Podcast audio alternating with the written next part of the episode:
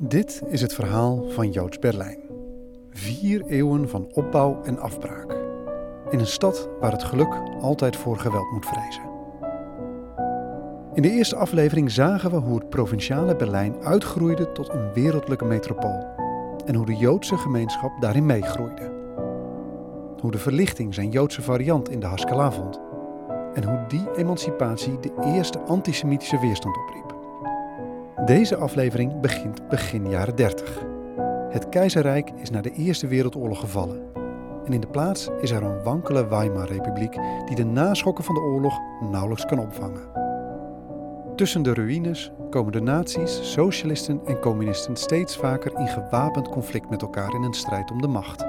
Als de Grote Depressie ook Duitsland treft, lijkt het land definitief klaar voor verdere chaos.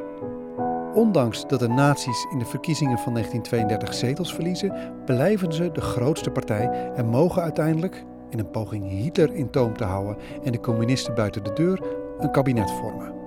Wat volgt is een almaar escalerende crisis waarbij de nazi's de republiek omvormen tot een dictatuur. Eentje die haar tegenstanders vervolgt, onteigent en uiteindelijk vermoordt. Joods Berlijn wordt uiteindelijk in de Holocaust, of beter Hebreeuws gezegd de Shoah, grotendeels weggevaagd. Haar mensen vermoord.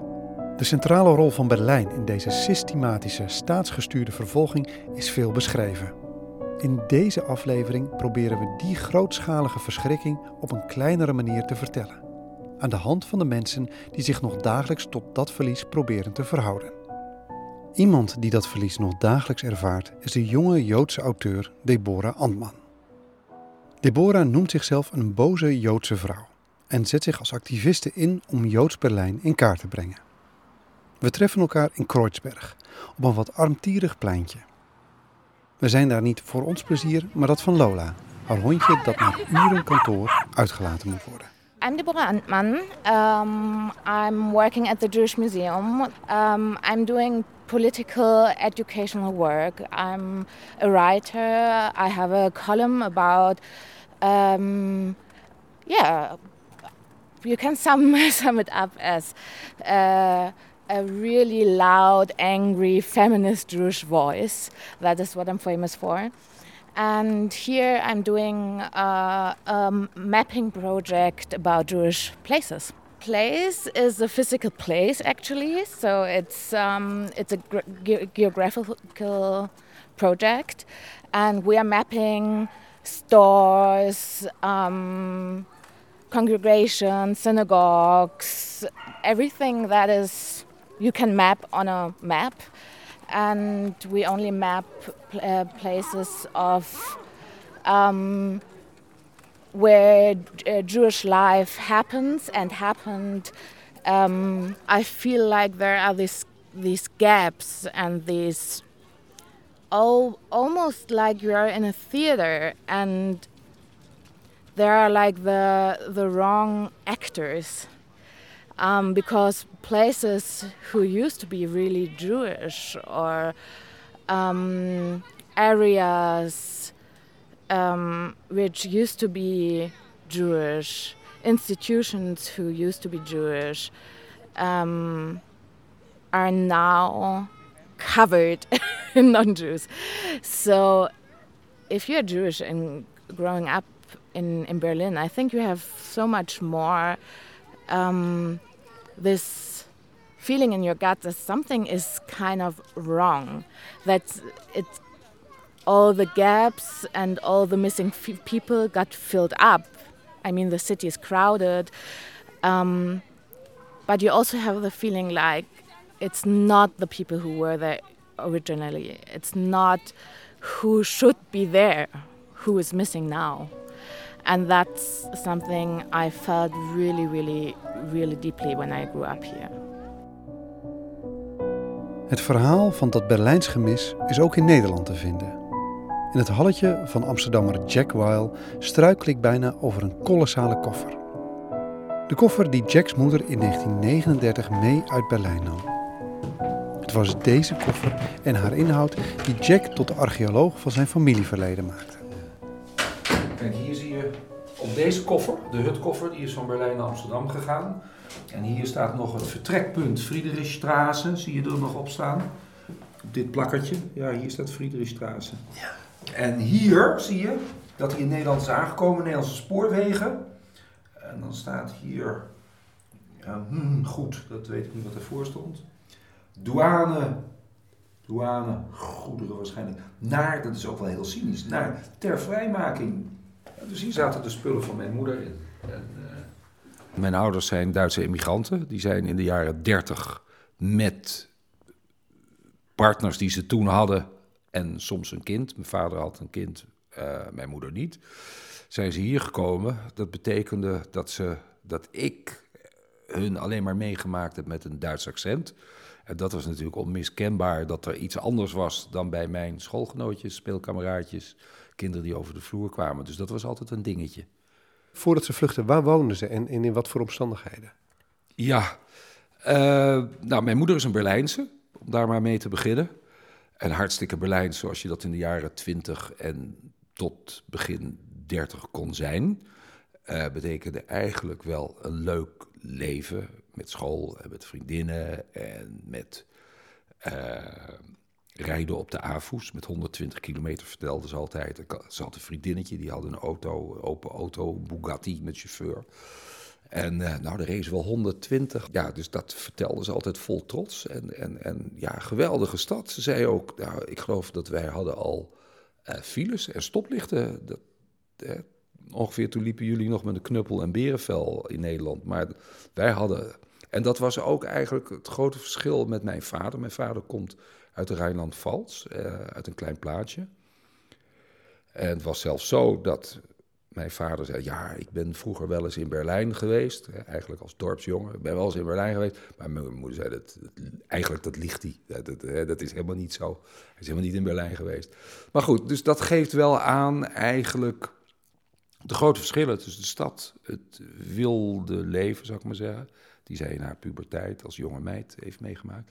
En mijn vader, die ja, dat heerlijke dorpsleven genoot. De een met de natuur was. Uh, groot verschil. Hoe oud was ze toen ze vluchtte? Nou, ze is in.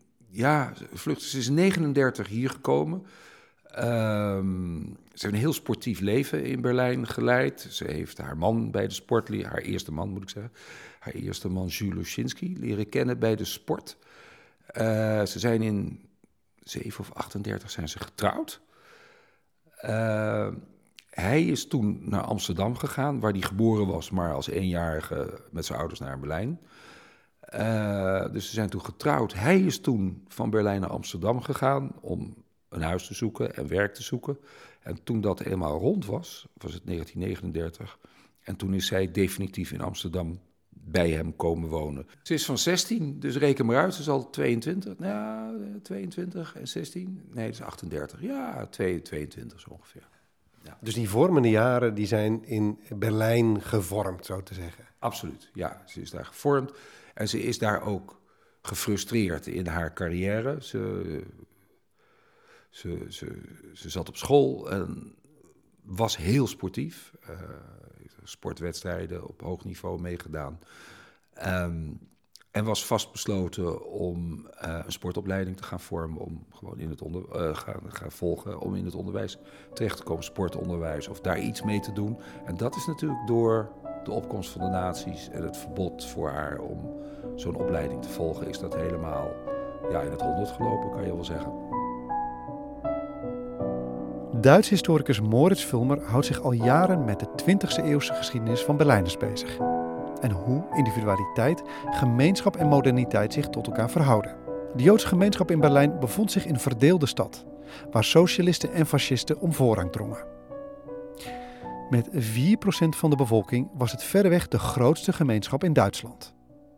Ik vraag Moritz hoe hecht deze groep nou eigenlijk was. Dus we hebben het eigenlijk met een kleine groep te maken, waar man ontzettend ja, veelvoudige groep Um, waar je eigenlijk ook kunt afvragen, is dat überhaupt een groep geweest? Want veel Joden waren, um, hadden eigenlijk niks, of wilden niks te maken hebben met, met, het Jodendom. Dat zie je vaker bij socialisten bijvoorbeeld.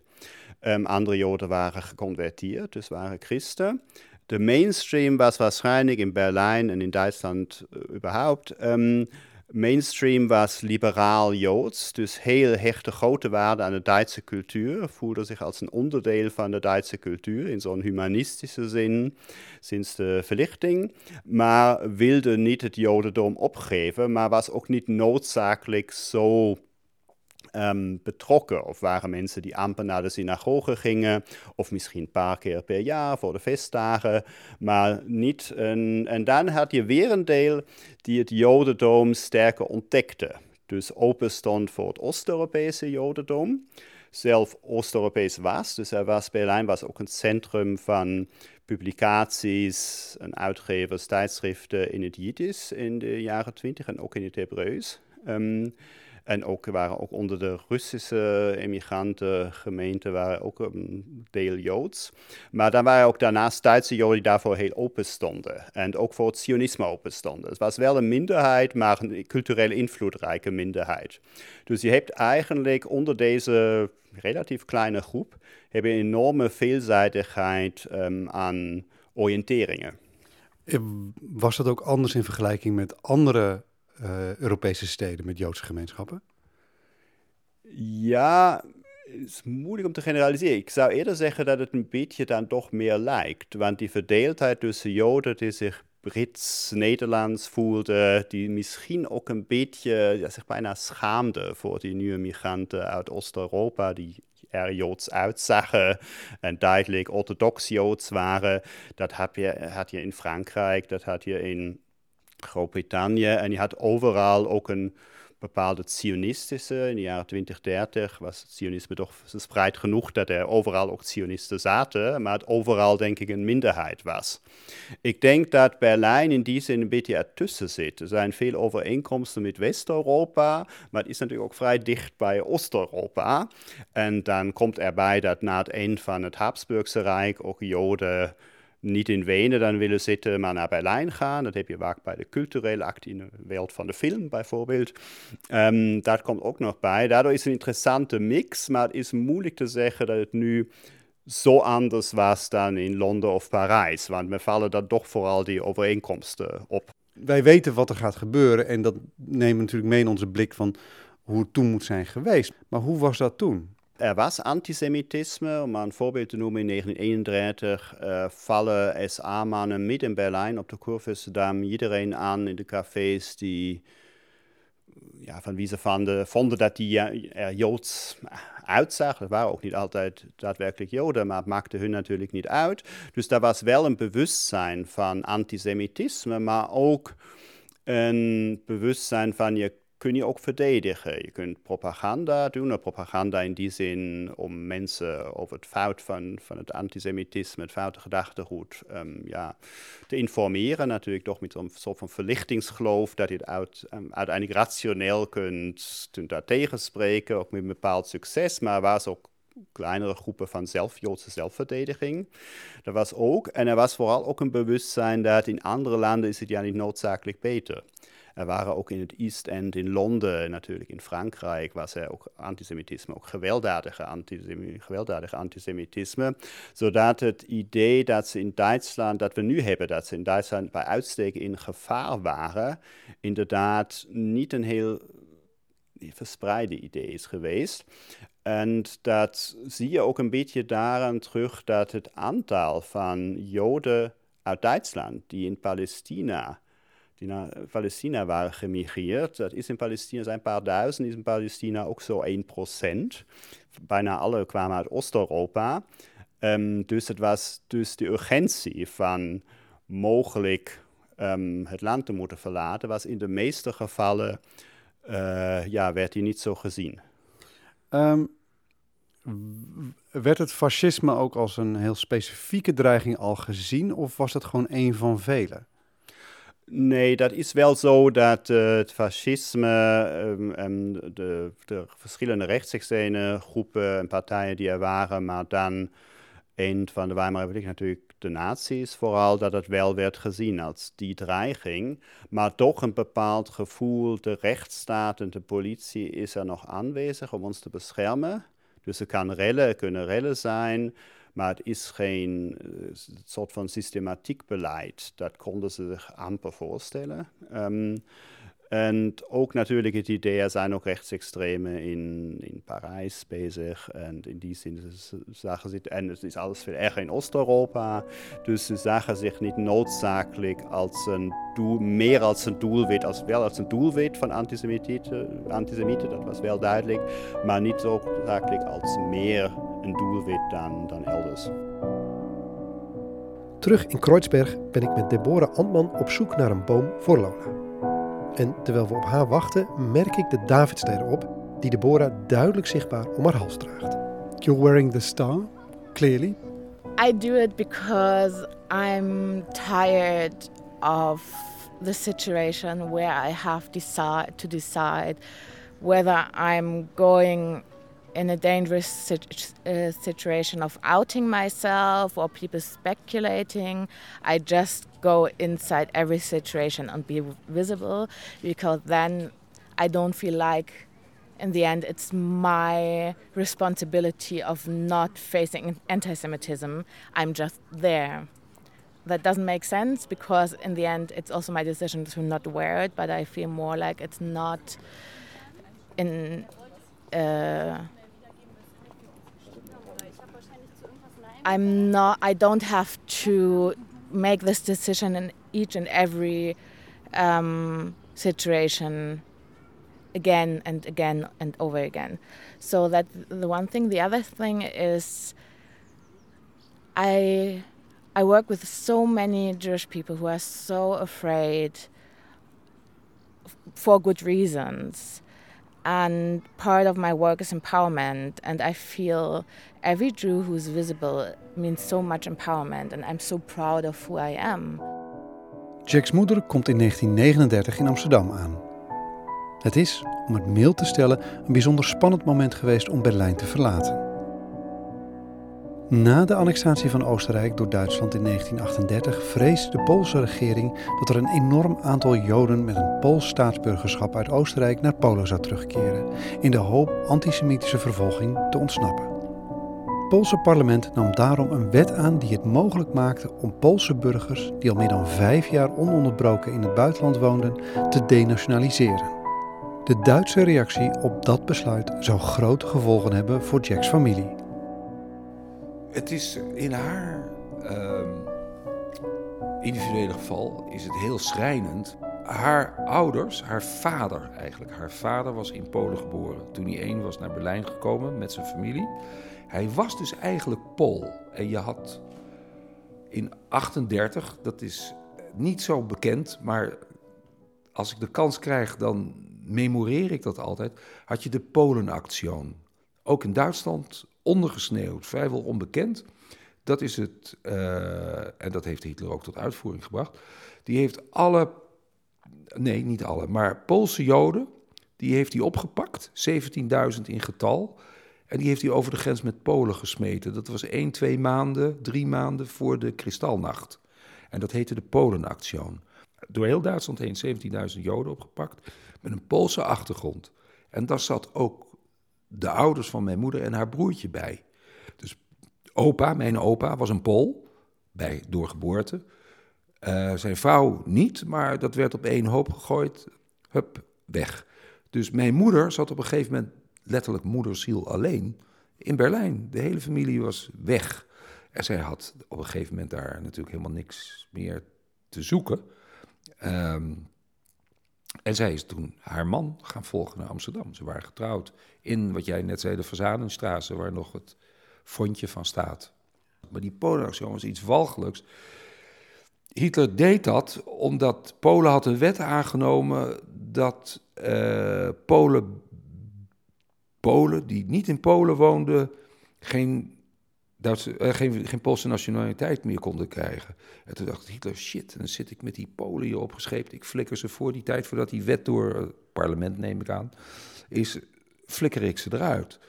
Die Polen die waren er helemaal niet op voorbereid. Die kregen ineens 17.000 mensen. Die zijn onder de meest erbarmelijke omstandigheden in paardenstallen opgevangen, in kazernes. Nou ja, eh, een soort ter toestanden kan je zeggen. Echt volkomen onvoorbereid waren die Polen. En niet lang daarna volgde de inval van de Duitsers in Polen. Dus toen hebben de Duitsers, hebben in ieder geval mijn familie, maar ik denk ook anderen, uh, naar de ghetto's gesleept. Dus uh, mijn grootouders met het broertje van mijn moeder, die zijn in Krakau terechtgekomen. En dat spoor loopt tot 42. En na 42 weten we niks meer. Dus we weten ook niet waar ze omgekomen zijn of wat dan ook, waar ze vermoord zijn. No idea. Weten we niet. Dus die Polenactie, heel belangrijk. En ja, ondergeschoven kindje. Ook mede door die kristalnacht die daar vlak op volgde. En, oh ja, dat wil ik dan ook nog zeggen. Dat verband tussen die Polenactie en de kristalnacht is het volgende. De ouders van de man die de moord in Parijs heeft gepleegd op een uh, Duitse diplomaat. Die zijn ouders waren ook over de grens naar Polen geflikkerd. En die jongen die was zo, nou, laten we maar zeggen, doorgedraaid, gek geworden van wat gebeurt hier. Die heeft toen die, die attaché in uh, Parijs vermoord. En dat werd dan weer gebruikt als aanleiding voor de Kristalnacht. Dus zo hangt het allemaal aan elkaar. Moritz Vulmer heeft zich over zijn schroom heen moeten zetten om als Duits historicus over de Joodse geschiedenis te schrijven. Zijn eigen academische temperament helpt daarbij, maar met dit soort materie is het moeilijk om onberoerd te blijven. Nou ja, ik ben op zich qua, ik ben nooit een heel, heb nooit een heel emotionele toegang tot de geschiedenis gehad. Maar dit zijn in bepaalde inzicht uitzonderingen van die regel. En het heeft heel sterk ermee te maken dat je als een correspondentie ziet. Of je hebt een boek met inleiding en waar iets staat. Of je hebt in archieven een korte twee alinea's die een beetje uitleggen wat dat überhaupt voor een familie is. Dus je weet al dat ze het niet gaan overleven. Je weet al dat ze nooit meer weerzien. Dat, dat weet je voordat je de correspondentie begint te lezen. Of, of ja, dat, dat, je hebt eigenlijk de, de, informatie, de nodige informatie heb je al. Maar zij weten dat niet. En je leest eigenlijk mee met mensen die schrijven die de hoop hebben, we gaan ons ooit weer zien, of, jullie, of wij gaan tenminste veilig zijn. Dan schrijven we misschien uit Shanghai uh, naar Zweden, maar we zijn dan toch allemaal fijn, ooit gaan we ons weer zien. Die hele hoop hebben, totdat ze aan het eind, dan in dit geval dat wel, dat we brieven hebben die wel ja, laten zien dat ze, dat ze daar niet meer, dat ze dat niet meer verwachten. Dat de vader dat niet meer verwacht. Dat hij alles wat hij nog kan doen, te zeggen tegen zijn zoon, je moet altijd je, je zus beschermen. Um, want wij kunnen het niet meer. En dit is wel iets wat je in principe zo, nou dit eindigt dit, die hoop die mensen hebben. En die jij als historicus, en dat je, of als historicus, iedereen die zo'n inleidingsalinea heeft gelezen, weet dat die hoop in dit geval uh, ja, niet meer niet realistisch blijkt. En dan aan het eind weten ze het ook. Maar je hebt het hele proces van, van nog te hopen of te twijfelen of te denken, misschien gaat het toch nog lukken ergens. ik heb iets gehoord over visa naar Cuba, uh, maar dan toch, toch niet meer. En um, ja, en wij weten ook in sommige gevallen dan weer van anderen, zou zeggen, er was ook ontzettend veel geluk erbij. Dat het ons wel gelukt is, die, die hele ja, laatste minuut, laatste moment verhalen. Of nog, mijn vader had dan toch door na 38, ik moet echt op emigratie, of het feit of ze wel of niet een, een oom in Amerika hebben. Er zijn ook soms spanningen, enorme spanningen. In dit geval een beetje, maar ik heb het ook gelezen waar het echt enorme ruzie is. Dan moeten er, dat kunnen niet de beste familieverhoudingen geweest zijn. Waar de vader zijn zoon, die in Amerika zit, verwijt. Je doet niet genoeg voor onze emigratie. En de zoon dan terugschrijft, jullie hebben ja geen idee hoe moeilijk hier het leven is in de WS. Je krijgt niks cadeau en met jouw middenklasse vooroordelen van, van zo'n hoogopgeleide Jood, die zijn hier niks waard en dat, dat wil je niet begrijpen. Dat schrijft hij aan zijn vader. Dat is natuurlijk ook een enorm, dat je zo, ja, eigenlijk een enorme, ook soms die verwachtingen natuurlijk enorm hoog zijn. Of je hebt zelf, als je geen spanningen hebt, in principe heb je zelf zo'n ja, dat er duidelijk een zoon die in Zuid-Afrika zit, nog ervan uitgaat, ik ga toch nog even een beetje mijn bedrijf een beetje beter opbouwen, heb ik nog meer geld over, um, voordat ik mijn ouders haal. En ook daar weet jij, dat is natuurlijk te laat dan. Uh, maar dat kan hij niet weten. En dat is altijd dat wat sowieso geldt in de geschiedenis, dat wij altijd weten wat, wat achteraf gaat gebeuren. En de tijdgenoten weten het niet. En dat moeten we altijd beseffen. Maar dat is hier, uh, ja, bij uitstek het, het geval. Veel van wat er met grote verwachtingen was gebouwd ligt in puin of is van haar mensen ontdaan. Het is aan een handjevol overlevenden om verder te gaan. Moritz schetst het beeld van het Berlijn nadat de laatste natie in uniform gevlucht is. Dan hebben we een klein aantal Joden, dat zijn die onderduikers die het die het wel konden redden. Dat zijn die, ja, een klein aantal van overlevenden uit Auschwitz. Het zijn soms ook die eerste mensen uit Ballingsra. We komen 300 Joden uit Shanghai terug naar Berlijn. Dus we hebben het over 7000 mensen. En dit zijn mensen die natuurlijk vaak ook enorm getraumatiseerd zijn, die fysiek verzwakt zijn. Um, door alle discriminatie, natuurlijk ook een voedseldiscriminatie is geweest, zelfs als ze nog een soort van legale status hadden. Of ze, ze hebben jaren in ze hebben Auschwitz overleefd. Ze zijn in die, ja, die fysieke en psychische, mentale toestand die, die, die wij dan misschien ons ja, niet echt kunnen voorstellen, maar toch zo'n beetje een idee van hebben. En um, dus het is een kleine, ook wake, oudere, ziekere groep door de emigratie van de jongeren. Er zijn ook mensen die terugkomen in Amerikaanse of Britse uniform. Dus daar hebben we ook een paar van. En dan zijn er vooral een groot aantal van Joden uit Oost-Europa, meestal Polen, die in Berlijn in een kamp zitten, maar eigenlijk daar niet willen blijven. Het is juist het punt om uh, te, te, emigreren. Meestal naar Palestina, maar anders naar de VS. En nou, die worden ook vaak aan, in, ja, andere kamps in West-Duitsland allereerst gestuurd. En proberen dan soms echt uh, illegaal naar Palestina te komen, maar dat is niet mogelijk. Dat is dan wel mogelijk in, in ja, 47, 48, toen Israël werd, opgericht. Dan kunnen, kan het dan, maar die in ieder geval niet, uh, niet eigenlijk. Soms blijven ze hangen in Berlijn, er zijn ook zo verhalen, maar in principe hebben ze geen intentie om daar te blijven, ook geen verbinding met Berlijn. Bij de anderen is het ook vaak weer de situatie dat ze aan de ene kant ook zeggen, je hier lopen al die naties nog rond. Dus ik ga me hier niet meer thuis voelen. Of ik heb alleen contact met Joden, niet omdat ik per se zo waarde hecht aan het Jodentum, maar dat op alle anderen kun je niet vertrouwen. En die ervaring hebben we nu gemaakt. Um, maar daar komt nog bij, dat is ook interessant, dat er toch een aantal Joodse communisten waren, die bewust naar Oost-Berlijn, uh, was ja nu gedeeld was, West-Berlijn, Oost-Berlijn, uh, naar Oost-Berlijn gaan. En daar in principe ja, een communistisch Duitsland, antifascistisch Duitsland, wat ze wel beschermd van je antisemitisme. Ze hebben net zo door als die anderen dat die er aanwezig is, maar ze denken, onder, het kan onder een anti, in een antifascistische staat kan zoiets nooit meer gebeuren. En daar willen we aan, die willen we mee opbouwen. Het zijn vaak ook uh, mensen die in de VS hebben gezeten, maar dan in tijden van het McCarthyisme um, zich dan als linkse emigranten in de VS dan ja, ook, ook niet meer gewenst zijn. Laten we begin jaren 50 nemen. Wat is er op dat moment nog aan een Joodse gemeenschap in Berlijn, aan beide zijden van de grens? Ja, we hebben, ik denk zo rond 7000 mensen, zo ongeveer. Um, dat zijn een heel kleine groep. En wij hebben Joodse gemeentes die natuurlijk ook klein zijn, ook oud zijn, viele bejaarden nog, um, die lange tijd. Die hebben wel een belangrijke, spelen wel een belangrijke rol, want ze zijn vaak die mensen, natuurlijk vooral in West-Berlijn, dat je daar open kon, kon zeggen wat je, uh, wat meer persvrijheid bestond. En die eigenlijk de meerderheid aan hun verantwoordelijkheid herinnerde. Wat ze natuurlijk ongemakkelijk maakte voor de meerderheid.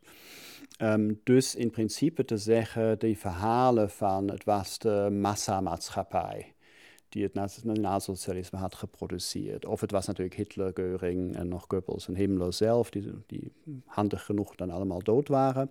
En er waren Um, of het was het prijzige autoritarisme. Dat zijn natuurlijk allemaal verhalen die in principe waar de persoonlijke verantwoordelijkheid een kleine rol speelt. Het is allemaal in een groot geheel um, um, geweest, een grote maatschappelijke grote verandering, een transformatie of een klein deel van manipulatieve figuren die de rest had meegetrokken. En dan kon je ook pathologiseren, die mensen bij de SS, dat waren sadisten, kon je eigenlijk zo'n... En die konden verhalen vertellen waar dan eindigde, hoe dan ook de uitslag was.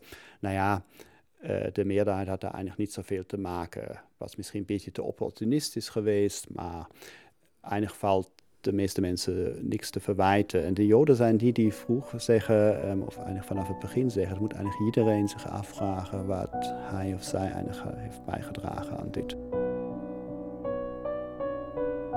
De erfenis van de Holocaust. De krater die het in het Berlijnse leven heeft geslagen. De schaduw die het nog steeds over het heden werpt, houdt zowel Moritz als Deborah bezig. De een meer academisch, de ander activistischer. Voor Deborah brengt het zoeken naar Joodse plaatsen in de stad ook onverwachte opbrengsten. When I started my work like 10 years ago, um, I felt really lonely because there were not so many young Jewish, angry, um, loud voices who were out there, yeah, really loud, as not asking, demanding for other pictures of Jews, for other roles for Jews, to be seen like we are, um, to not only exist in the German gaze. And now, in the last five years, there is like this whole cacophony, this whole chorus of Jewish young voices asking for exactly that to define our role, to define our fights, to define what we need. And that's a development I really appreciate and that makes me really happy. And suddenly I feel I'm part of a movement and I'm one of many. And I couldn't think of anything that is more amazing. Are those empty Jewish spaces filling up again? I wouldn't go that far because I think we can't fill them and that's not our goal is to replace something that that is missing. Our goal is to do something new and to um, demand the place for that it's exactly that. People want to us to be the Jews that have been before there before, or the Jews that German wants, what is always connected to the Shoah. And what we want is to be the Jews we are, the Jews we are right now, and. Um, with everything we need and we are and we look like and we sound like. And that's exactly what is happening right now. Een enkele Joodse plaats wordt in elk geval in stand gehouden. Neem de U-baan naar halte Charlottenburg. Duik onder het spoor, ga meteen rechts en recht tegenover een bekende supermarkt vind je Gervinestrasse 20. Een prachtig pand, in al zijn vooroorlogse elegantie bewaard gebleven. Dit is het huis dat Jacks moeder achter zich liet. Het is een plaats waar Jack nog vaak te vinden is. Is eigenlijk 100 jaar, 100 plus jaar is het geleden gebouwd. Ehm, door een Joodse meneer, meneer Messerschmidt. En ehm, zijn uh, familie woonde daar ook. Dat waren de overburen van mijn moeder. En de zoon van deze meneer Messerschmidt, de aannemer, zullen we maar zeggen, de bouwer. Dat was het beste vriendje van mijn moeder, want ze woonden tegenover elkaar. Ehm, ja, dat, dat is een pand met een hele interessante geschiedenis. Het is blijven staan. Dat is ook al natuurlijk in Berlijn niet uh, hè, altijd het geval. Dus het is blijven staan, ruim 100 jaar oud, prachtig. Uh, echt Berlijns appartementengebouw, een stuk of 40 appartementen met een binnenplaats, fontein, zoals ik net zei. Uh, en die appartementen zijn deels nog wel herkenbaar. Je komt binnen, veel donkerbruin hout, prachtige plafondschildering, zo voor ja, rond de Secession, zullen we zeggen, rond 1900 zo. Prachtig mooi. En dan is een krakkemikkige lift die volgens mij al jaren kapot is. En dan brede houden, houten trappen die naar boven gaan en lekker kraken. En aan beide kanten prachtige appartementen. Wat ruimer dan de Amsterdamse appartementen. Echt fantastisch mooi. Bijna ongeschonden. Ben je op zo'n moment dan dichter bij je moeder? Ja, absoluut. Dus meneer Zimmerman woont in hun flat. Hè, dus die ken ik ook heel goed. En ja, ik moet ook wel eens naar het toilet. Dus, en dan ga ik bij meneer Zimmerman. En ja, dat klinkt raar, maar dan ben ik dicht bij mijn moeder. dan ben ik dicht bij mijn moeder. Die heeft er ook gezeten. En ik heb natuurlijk ook me afgevraagd, wat doe ik nou in Berlijn en wat doe ik nou in Meisenheim? En dan moet je je voorstellen dat de levens van mijn ouders, die zijn in 38 abrupt afgebroken. Mijn vader wilde natuurlijk helemaal niet weg uit dat gat. Hij werkte in de zaak van zijn vader, een, een mengvoederbedrijf, diervoeders. Ja, dat kon hij niet meenemen. Dus die is abrupt afgebroken.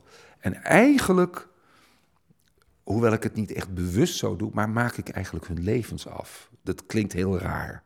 En dat klinkt een beetje sentimenteel. Maar dat heb ik bedacht, dat ben ik aan het doen. Wat abrupt afgebroken was, ik volg dat op. En heb je voor jezelf een idee wanneer je daar enigszins in geslaagd bent? Nou, daar, daar slaag je dus niet echt in. Het is niet een kwestie van slagen, maar het, ja, het geeft mij een bepaalde vorm van voldoening. Ik loop hier rond, eh, ik, ik, bekijk hun oude huizen.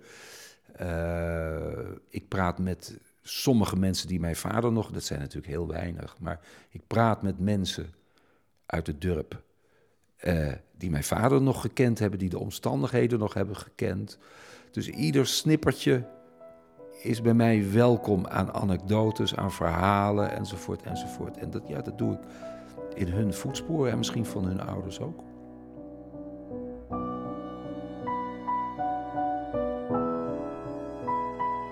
Dit was de tweede aflevering van Joods Berlijn, een podcast van het Joods Museum. Met dank aan Deborah Antman, Moritz Vulmer en Jack Weil. In onze volgende aflevering kijken we naar de meest iconische periode uit de stad. Berlijn verdeeld door de muur.